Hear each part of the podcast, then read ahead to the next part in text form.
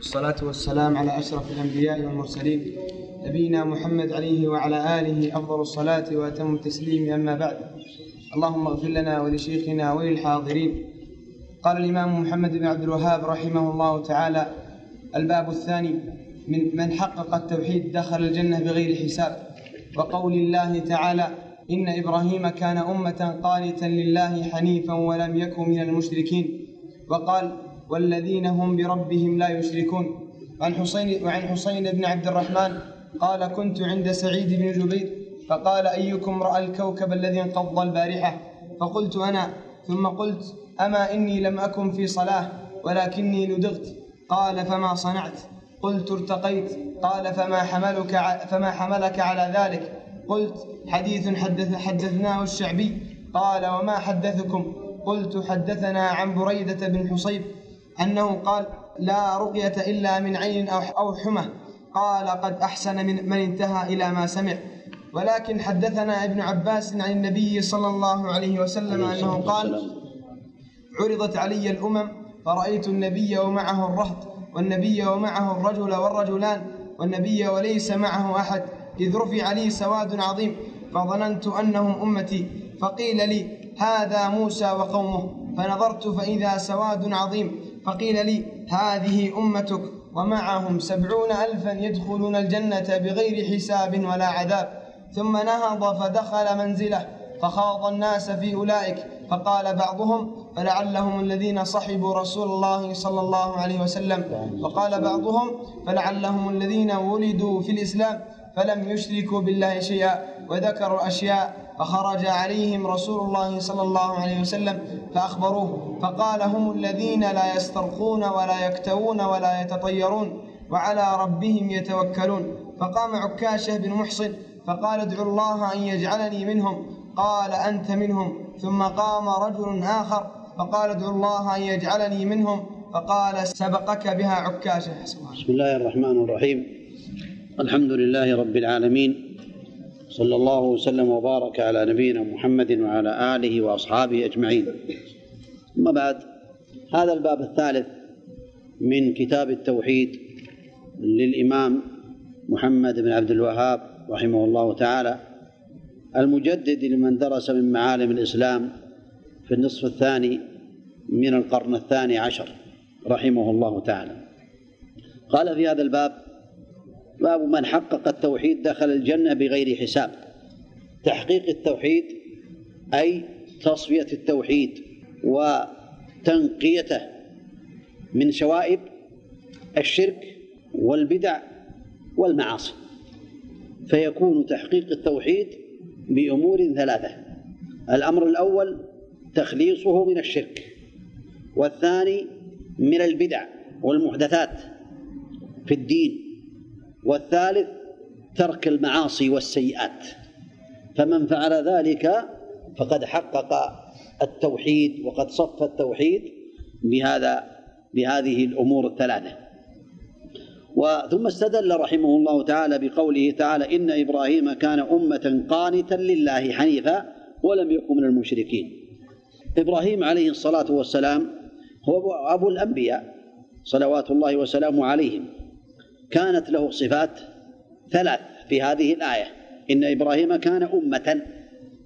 الأمة إمام يقتدى به. الإمام يقتدى به فهو أمة.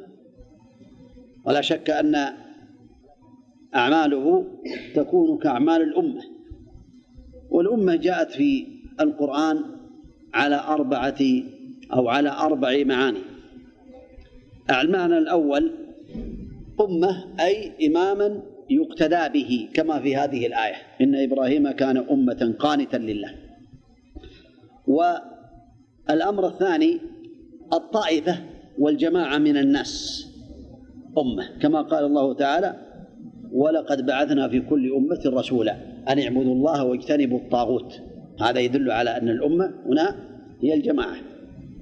والمعنى الثالث أو الثاني الثالث الزمن كقوله تعالى في سورة يوسف والذكر بعد أمة أي بعد وقت من الزمن. والثالث أو الرابع لهذه المعاني الملة والدين. كما قال تعالى عن المشركين إن وجدنا آباءنا على أمة أي على دين على ملة. هذه الأمور كلها الحقيقة جاءت في القرآن الكريم ومنها الأمة الإمام الذي يقتدى به.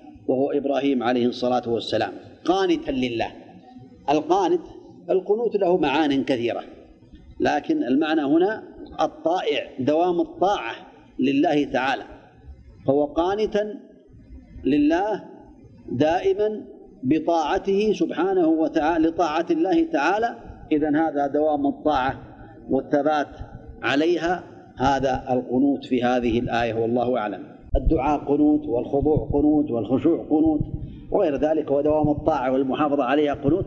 لكن يفسر هذا المعنى كل لفظ ورد فيه. ها؟ فهي لها أنواع ما يقارب أكثر من عشرة كما ذكر ابن حجر رحمه الله تعالى.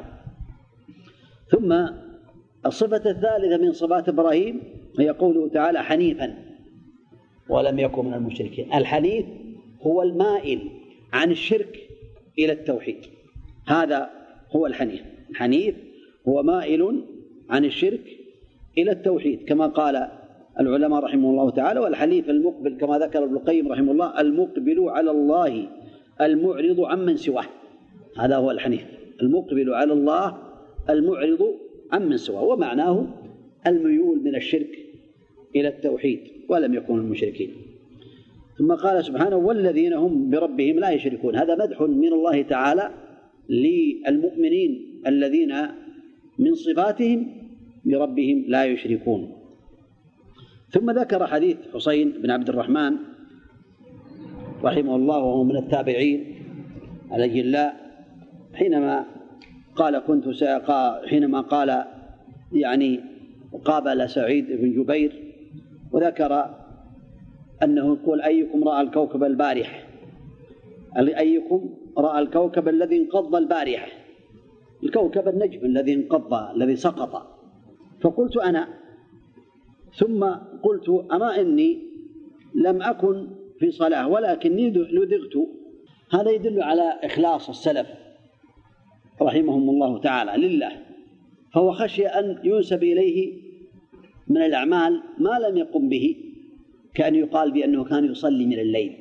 فقال أما إني لم أكن في صلاة ولكني لدغت حتى يبين للناس بأنه يعني لا ينسب إليه عمل وهو لم يقم به. قال فما صنعت؟ قال قلت ارتقيت.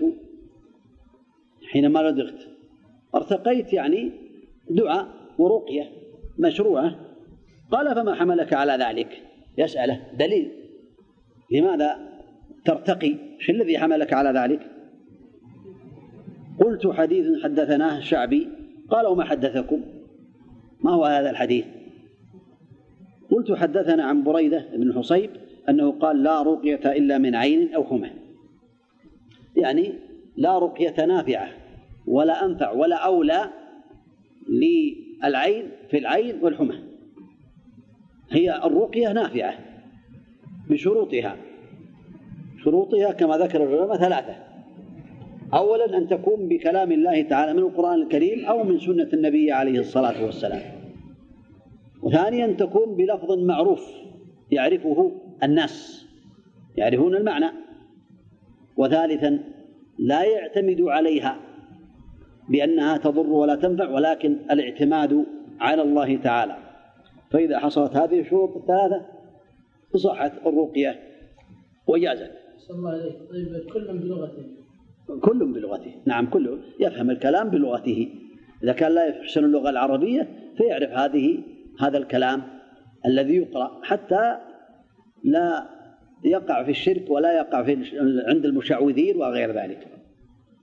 قال قد أحسن من انتهى إلى ما سمع يقول أنا أنت يعني ما دام أنك اعتمدت على هذا الحديث فقد أحسن من انتهى إلى ما سمع هو لم ينفي الحديث هذا لكنه ما سمعه.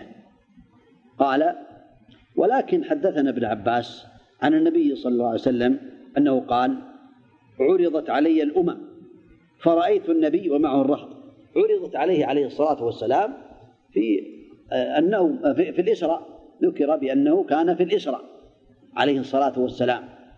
عرضت عليه الأمم عليه الصلاة والسلام. قال فرأيت النبي ومعه الرهط. الرهط قيل من الثلاثة إلى العشرة. والنبي معه الرجل والرجلان. يعني معنى النبي ومعه الرجل أو الرجلان. هذا المعنى. يعني بعض الأنبياء معه رجل يوم القيامة فقط. وبعض الأنبياء معه رجلان. والنبي وليس معه أحد. وبعض الأنبياء يوم القيامة يأتي وليس معه أحد. هذا يدل على أن قومه لم يتبعه منهم أحد. نسأل الله العفو والعافية. هذا يدل على إخلاصهم لله وعلى صبرهم لله تعالى. ولكن والله تعالى يعلم بأنه لا يتبعه أحد. لكن هذا من باب إقامة الحجة على الناس. يقيم الله تعالى عليهم الحجة وما كنا معذبين حتى نبعث رسولا. هذا يدل على صبرهم عليهم الصلاة والسلام. قال وليس معه أحد إذ رفع لي سواد عظيم. يعني حينما رأى هؤلاء الأنبياء رفع له سواد عظيم أي من الناس. سواد عظيم وكثرة عظيمة فظننت أنهم أمتي. قلت هؤلاء أمتي ظننا ظن عليه الصلاة والسلام. فقيل لي هذا موسى هذا موسى وقومه. يعني هؤلاء هذا السواد العظيم وهذه الأمة العظيمة هذا موسى وقومه. فدل ذلكم على أن موسى اتبعه كثير من الناس.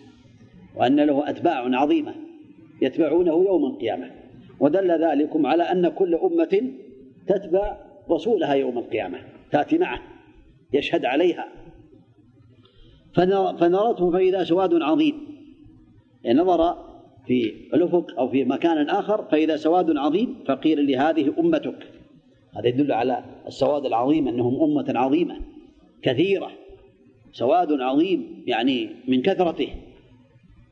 ومعهم سبعون ألفا يدخلون الجنة بغير حساب ولا عذاب. هذا يدل على أنهم أمة كثيرة ومن هؤلاء الأمة سبعون ألفا يدخلون الجنة بغير حساب ولا عذاب. وفي رواية عن أبي هريرة رضي الله عنه عند الإمام أحمد والبيهقي فاستزدته فزادني. فاستزدت ربي فزادني مع كل ألف سبعين ألفا. إذا كم يكون مع كل ألف؟ عندنا سبعون ألف. زاده الله تعالى مع كل ألف مع كل سبعين ألف. لا مع كل ألف سبعون ألفا. هذا يدل على ما يقارب خمسة ملايين من أمة محمد عليه الصلاة والسلام. هذا الحديث أخرجه البيهقي وقال ابن حجر رحمه الله تعالى في فتح الباري وسنده جيد. يعني جود إسناده رحمه الله تعالى وهم من المحدثين والأعلام المعروفين في العناية بأحاديث النبي عليه الصلاة والسلام. وهذا من فضل الله تعالى. أن زاده مع هؤلاء السبعين الألف مع كل سبع مع كل ألف سبعون ألفا. هذا من فضل الله تعالى على أمة النبي عليه الصلاة والسلام. كلهم يدخلون الجنة بغير حساب ولا عذاب. إذا ما, ما هذه الصفات؟ فاختلفوا اختلف الصحابة رضي الله عنهم في هذا. وحينما نهض ودخل منزل عليه الصلاة والسلام فخاض الناس فيلعب فقال بعضهم لعلهم الذين صحبوا رسول الله صلى الله عليه وسلم. لعل هؤلاء سبعون ألف. هم الذين صحبوا النبي عليه الصلاة والسلام. وقال بعضهم فلعلهم الذين ولدوا في الإسلام. يعني اختلفوا. لأن الذين صاحبوا النبي عليه الصلاة والسلام ربما لا يبلغون هذا العدد العظيم. فقال بعضهم لعلهم الذين ولدوا في الإسلام ولم يشركوا بالله شيئا. وذكروا أشياء خاضوا في أشياء. فخرج عليهم رسول الله صلى الله عليه وسلم فأخبروه. يعني أخبروه بهذا. خاضوا في هذا فأخبروه عليه الصلاة والسلام فقال هم حددهم النبي عليه الصلاة والسلام من هم؟ هذا الشاهد من الحديث من هم؟ السبعون الألف الذين يدخلون الجنة بغير حساب ولا عذاب فقال هم الذين لا يسترقون. ألا يطلبون الرقية؟ يقول ارقني اقرأ علي. هم الذين لا يسترقون. ولم يقل هم الذين لا يرقون. جاء في بعض الروايات هم الذين لا يرقون. لكن ذكر العلماء بأن هذه الرواية يعني ليست بصحيحة خطأ. لأن الرقية رقى النبي عليه الصلاة والسلام برقي عليه الصلاة والسلام. رقى عليه الصلاة والسلام غيره ورقاه غيره. رقاه جبريل ورقته عائشة عند موته عليه الصلاة والسلام صلوات الله وسلامه عليه. هم الذين لا يسترقون يطلبون الرقية من الناس. ولا يكتوون الكي بالنار ولا يتطيرون. الطيرة هي التشاؤم بالطير وهي تكون كذلك التشاؤم بالمرئيات والمسموعات والأماكن والأزمان. قد تكون في هذا وهي شرك. وعلى ربهم يتوكلون. هذه الصفة الرابعة. إذا هم الذين لا يسترقون. الرقية هذا طلبها خلاف الأولى. لكن لو احتاج إليها لا بأس. لو رقاه بعض الناس بدون طلب لا بأس لا يرده. عندنا ثلاثة أحوال. إما أن يطلب الرقية لنفسه فإن كان بحاجة شديدة فإن زالت الكراهة. وإن لم يكن بحاجة كان تركه أولى. وإن رقاه أحد بدون طلب فلا بأس. وإن رده خالف السنة. رد قال لا تقرأ علي ولا تقيني بدون طلب خالف السنة لأن عائشة رقت النبي عليه الصلاة والسلام فكانت تقرأ المعوذتين في وتمسح بكفي النبي عليه الصلاة والسلام لبركتها. إذا هذا يعني ولا يكتوون. الكي كذلك مكروه. لكن عند الحاجة الشديدة لا بأس بذلك. الكي يعني الأولى تركه. لكن عند الحاجة لا بأس بذلك. النبي عليه الصلاة والسلام يعني كوى أصحابه عليه الصلاة والسلام كوي في عهده صلوات الله وسلامه عليه ولا يتطيرون على ربهم يتوكلون. فقام عكاشة بن محصن فقال ادعو الله أن يجعلني منهم. يعني هذا هذا الفضل العظيم. ما دام هؤلاء يدخلون الجنة بغير حساب ولا عذاب ادعو الله أن يجعلني منهم. فقال أنت منهم. وفي بعض الروايات اللهم اجعله منهم. هذا يدل على فضل عكاشة رضي الله عنه. فقام رجل آخر فقال ادعو الله أن يجعلني منهم. قال سبقك بها عكاشة. هذا فيه حكمة من النبي عليه الصلاة والسلام. أولا لإغلاق الباب أمام آه، من يسأل هذا لأنه قد لا يكون منه وقد يقال بأن هذا الرجل من المنافقين. ولكن هذا فيه كذلك إغلاق الباب حتى لا يسأل من يعني حضر وسمع أن يكون مع هؤلاء وهو ليس منهم. فالنبي عليه الصلاة والسلام قال سبقك بها عكاشة. فأصبح مثالا يضرب بين الناس سبقك بها عكاشة. هذا الباب باب عظيم. فيه فوائد كما سمعتم وهو يبين أن من قام بهذه الأربعة الأمور الذين لا يسترقون ولا يكتوون ولا يتطيرون وعلى ربهم يتوكلون فقد حققوا التوحيد لأنهم قد ابتعدوا من الشرك وابتعدوا عن المعاصي والبدع والسيئات فكان حقهم أن دخلوا الجنة بغير حساب. والله أعلم. صلى الله على نبينا محمد وعلى آله وأصحابه أجمعين. سم. نعم. الله إليك أنه النبي صلى الله عليه وسلم اخر آخر العلاج الكي. النبي عليه الصلاة والسلام قال الشفاء في ثلاث. شرطة محجم أو لدعة نار أو شربة عسل. فلا بأس فإذا عجز الإنسان وأحتاج إلى الكي ولم يجد إلا هذا الكي زالت الكراهة والحمد لله تعالى. نعم. يدخل في السبعين. نعم. زالت الكراهة. يدخل في السبعين ولا يخرج؟ لا إذا كان ما دام أنه في حاجة فيدخل في السبعين إن شاء الله. نعم. ما دام أنه جاء في رواية البيهقي وأحمد أنه زاده سبعون زاده سبعين ألفا مع كل ألف. مع كل ألف سبعين ألف. ما قارب خمسة ملايين. فعلى هذا الزيادات محصورة. ما دام أنها محصورة بسبعين ألف وزيد مع كل ألف سبعين هذا يدل على أن هؤلاء يدخلون الجنة بغير حساب ولا عذاب أسأل الله تعالى بوجه الكريم أن يجعلني وإياكم منهم. نعم. أحسن الله عليكم بسم الله الرحمن الرحيم. والصلاة والسلام على أشرف الأنبياء والمرسلين نبينا محمد عليه وعلى آله أفضل الصلاة وأتم التسليم. الآن هذا يعني شرح مختصر موجز لسماحة الشيخ عبد العزيز بن باز رحمة الله تعالى عليه على هذا الباب. نعم. قال العلامة ابن باز رحمه الله تعالى في الباب الثاني تحقيق التوحيد أي تخليصه من شوائب الشرك والبدع والمعاصي. فمن حقق توحيده وسلم من الشرك والبدع والمعاصي دخل الجنة بغير حساب ولا عذاب. لأن الشرك الأكبر ينافي التوحيد والأصغر ينافي كمال الواجب والبدع. والأصغر ينافي كماله. لأن خطأ الطبع نعم. كماله الواجب. كماله الواجب نعم. ينافي كماله الواجب والبدع والمعاصي تقدح فيه وتنقص ثواب وتنقص ثوابه. نعم.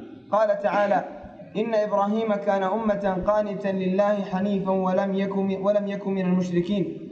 وصف الله خليله إبراهيم بصفات عظيمة تدل على كمال توحيده وإيمانه ومن ذلك الأولى. يعني الصفة الصفة الأولى نعم. أمة أي داع إلى الخير وحده صابر عليه كما فسره العلماء. فيدعو إلى الحق ويستقيم عليه وحده عند فساد الناس. وهذان الأمران مجتمعان في مجتمعان في إبراهيم فإنه على الحق ليس عليه غيره ومع ذلك يدعو إليه وحده. يعني في عهده ما مع أحد يدعو إليه وعده أحد عليه الصلاة والسلام. نعم. الثانية قانتا لله أي مطيعا لله مستمرا على الخير فمن معاني القنوت دوام الطاعة وقنوته كان لله وحده فلم يكن يعبد إلها غيره. أخذ من هذا قانتا لله يعني مخلصا في قنوته. فهذا يدل على إذا أضيف العمل أو أضيف لله هذا يدل على إخلاصه. قانتا أي مخلصا في قنوته لله. نعم. أحسن الله عليك الثالثة حنيفا أي مقبلا على الله المائل إليه من الحنف. حنيفا؟ نعم. أحسن الله عليك حنيفا أي مقبلا على الله المائل. مكتوب عندك أي؟ ولا المقبل على الله؟ المقبل. أي نعم. المقبل على الله المائل إليه من الحنف وهو الميل فهو مائل عن عبادة غير الله إلى الله عز وجل ثم أكد الكلام بقوله ولم يكن من المشركين بل فارقهم في عقيدته وأعماله وأقواله ومنزله وهذا الذي ينبغي للمسلم أن يستقيم ويحقق توحيده ولا ولا يخالط المشركين ويكثر سوادهم. فلهذا فلهذه الصفات حقق إبراهيم عليه الصلاة والسلام كمال التوحيد. نعم. قال تعالى والذين هم بربهم لا يشركون. هذا من صفات أهل التوحيد والإيمان أنهم كانوا موحدين لله مخلصين له خالصين من الشرك مع عبادتهم وخوفهم لله وهذا كمال التوحيد. وإذا كان إبراهيم عليه السلام قد حقق التوحيد فنبينا صلى الله عليه وسلم أولى أن يكون قد حققه لأنه أتقى الناس لله وأخلصهم له. وهو من أولاده من ذرية إبراهيم عليه الصلاة والسلام وهو أخلص الناس محمدا عليه الصلاة والسلام ليس أحد أفضل منه. نعم. وحديث حسين كنت عند سعيد بن جبير فقال أيكم رأى الكوكب إلى آخر الحديث؟ قوله أما إني لم أكن في صلاة فيه صفة من صفات السلف وهي أنهم كانوا يتحرزون من إظهار أعمالهم خوفا من الرياء وتزكية النفوس. وقوله لدغت اللدغ إذا أصابته لسعة من عقرب أو حية ونحوهما. وقوله ارتقيت طلبت, طلبت من يرقيني لأن الرقية ينفع الله بها من اللدغ. قوله فما حملك على ذلك؟ فيه السؤال عن الدليل فيما فعله وفيه حال السلف وما هم عليه من المذاكرة وطلب الدليل. قال عن بريدة بن حصيب فهذا الحديث جاء عن بريدة وجاء مرفوعا إلى النبي صلى الله عليه وسلم وقوله قد أحسن من انتهى إلى ما سمع لأنه عمل لأنه عمل بعلم ولم يعمل بجهل أو بخلاف ما تعلمه. وقوله لا رقية إلا من عين أو حمى فيه أن من أصيب بأذى الحيات والعقارب أو بأمراض أخرى فلا بأس بأن يرقي نفسه أو يسترقي. وليس المراد في الحديث الحصر بل حمله العلماء على الأولوية. أي لا رقية أولى من رقية العين والحمى والحمى لأن الأحاديث دلت على جواز الرقى من غير العين والحمى. كحديث لا بأس بالرقى ما لم تكن شركا وثبت أنه صلى الله عليه وسلم رقى ورقي فدل على جواز ذلك ولا بأس من نفع المريض وقراءة الآيات وقراءة الآيات عليه. والعين من عين العائن ونظرته ونفسه والحمى لدغ الحيات والعقارب. وهذه الرقية نافعة بالنص والتجارب. فيستحب لمن أصيب بها أن يرقي نفسه أو يرقيه أخوه الحديث من استطاع أن ينفع أخاه بشيء فليفعل والاسترقاء وطلب الرقية تركه أولى لكن إن احتيج إليه فلا بأس. ولهذا استرقى النبي صلى الله عليه وسلم لأولاد جعفر كما سيأتي وقال لأمهم أسماء واسترقي لهم لما أصابتهم العين ثم ذكر سعيد ما هو أفضل منه أي من الاسترقاء فقال حدثنا ابن عباس إلى آخره وقوله عرضت علي الأمم كان هذا ليلة الإسراء على الصحيح. وقوله والنبي ليس معهم أحد. ومنهم من قتله قومه. وهذا يدل على أن المتبعين للحق قليل كما قال تعالى وما أكثر الناس ولو حرصت بمؤمنين وقوله هذا موسى وقومه يدل على فضل موسى وأنه استجاب له كثير من بني إسرائيل. وقوله فنظرت فإذا سواد عظيم وفي رواية أنهم سدوا الأفق وفي رواية أنهم سدوا الأفق الآخر وهذا يدل على عظم هذه الأمة وأنهم أكثر أتباعا لأنهم آخر الأمم ونبيها خاتمها وهم نصف الجنة أو ثلثها كما جاء في الحديث. وقوله ومعهم سبعون ألفا جاء في أحاديث أخر أخرى أن مع أن مع كل واحد سبعين ألف يدخلون الجنة بغير حساب لكمال تقواهم وإيمانهم واستقامتهم. وكلما كان العبد أكثر استقامة كان أسهل لدخول الجنة وقوله فخاض الناس فيهم أي في صفاتهم ومن هم ففيه شرعية البحث والمذاكرة والنظر في النصوص للعلم. قوله هم الذين لا يسترقون أي لا يطلبون من يرقيهم. وفيه فضل ترك سؤال الناس والاستغناء عنهم حتى في طلب الرقية. لكن لم, لم ينهى عن هذا وإنما ذكر فضل تركه فقط. فإذا دعت الحاجة إليه فلا بأس من العلاج وتركه. وتركه أفضل عند عدم الحاجة. وقوله ولا يكتوون وتركه أفضل عند عدم الحاجة لأنه نوع لأنه نوع تعذيب. فإذا تيسر دواء غيره فهو أولى. فإذا دعت الحاجة إليه فلا كراهة. لحديث الشفاء في ثلاث كية نار أو شربة عسل أو شر أو شرطة محجم. وفي لفظ وأنهى وأنهى أمتي عن عن الكي. فالنهي للتنزيه لا للتحريم. ولهذا كوى بعض أصحابه وكوى الصحابة من أمراض أصابتهم فهي جائزة عند الحاجة إليه والاستغناء عنه بدواء, بدواء آخر أفضل فهو من صفات السبعين فإذا دعت الحاجة إليه فلا بأس. وقوله ولا يتطيرون الطيرة هي الشرك وهي التشاؤم بالمرئيات أو المسموعات حتى يرده ويوقفه. حتى يرده. أحسن الله حتى يرده ويوقفه عن حاجته وهذا منكر منهي عنه.